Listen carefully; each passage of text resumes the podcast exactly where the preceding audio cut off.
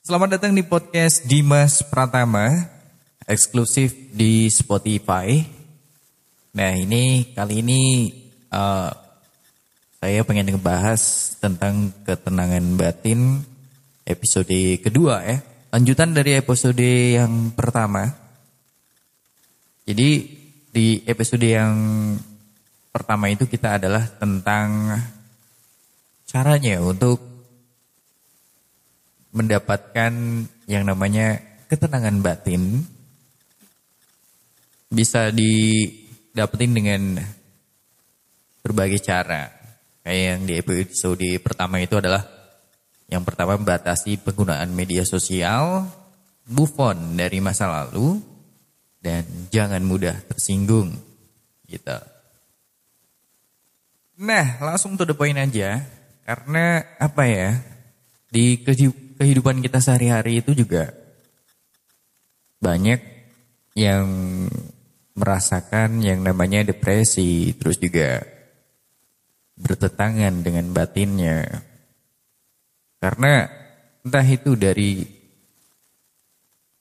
cara bersosialisasi gitu ya, sama dengan orang lain, dengan orang lain di media sosial atau interaksi bertetanggaan gitu kan. Di salah satu sisinya adalah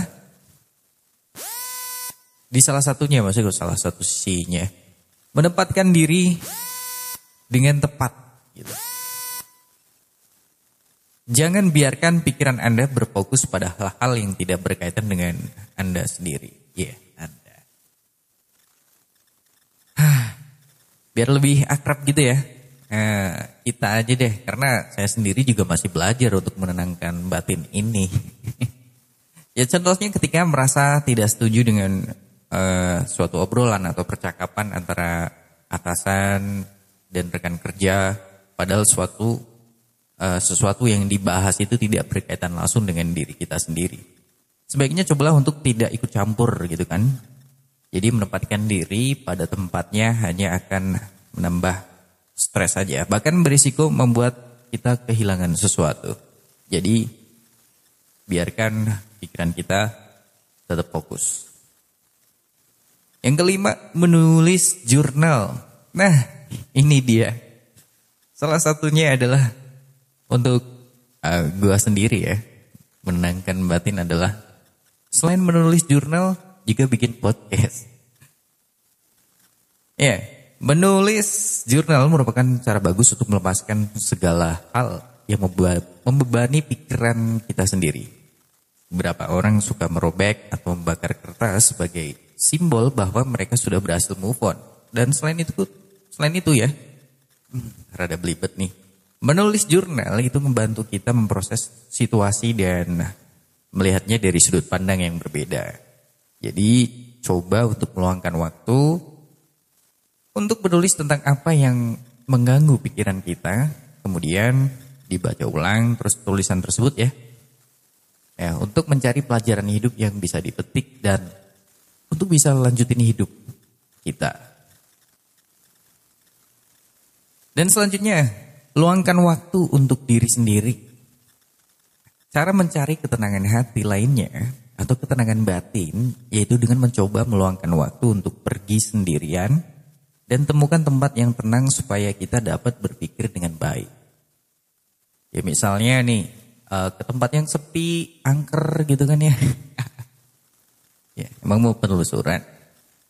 Setelah cukup tenang dan mendapat jawaban, jadi bisa putusin nih gimana masalah tersebut bisa ditangani.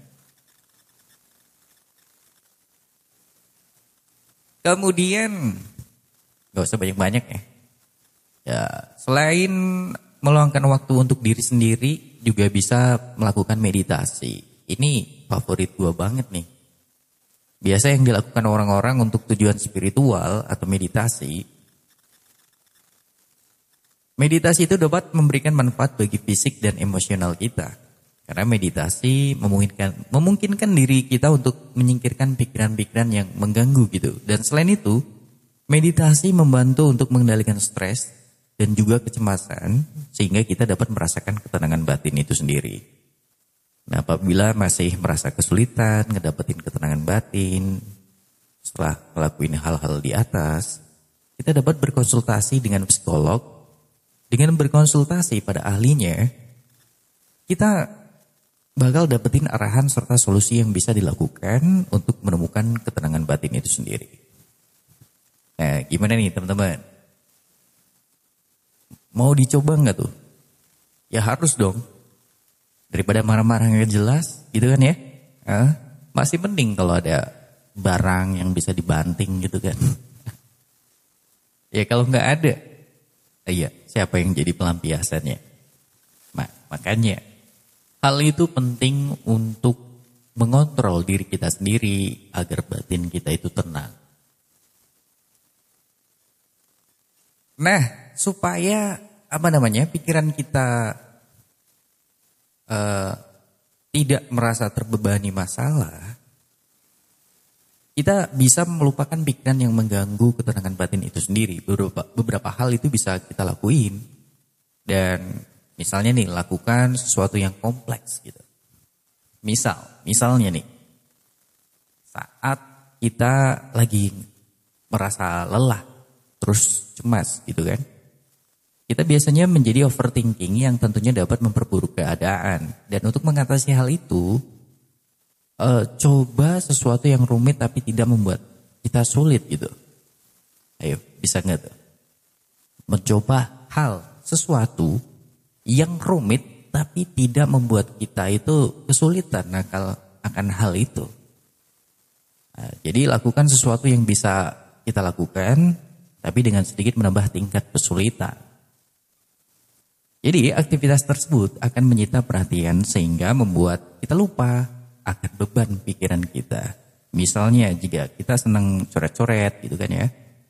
Nah untuk mengalihkan pikiran cobalah untuk menggambar dengan lebih serius dalam waktu terbatas. Hal ini akan membantu kita menyingkirkan sejenak perasaan cemas dan overthinking itu sendiri. Simple kan? Itu tadi di untuk episode, kedua ini cukup di sini aja dulu. Nanti bakal ada episode ketiga. Jadi untuk teman-teman jangan lupa ya di apa ya kalau bahasanya di podcast itu ikuti gitu ya. Jangan lupa di share juga. Oke? Saya Dimas Pratama. See you next time. Bye.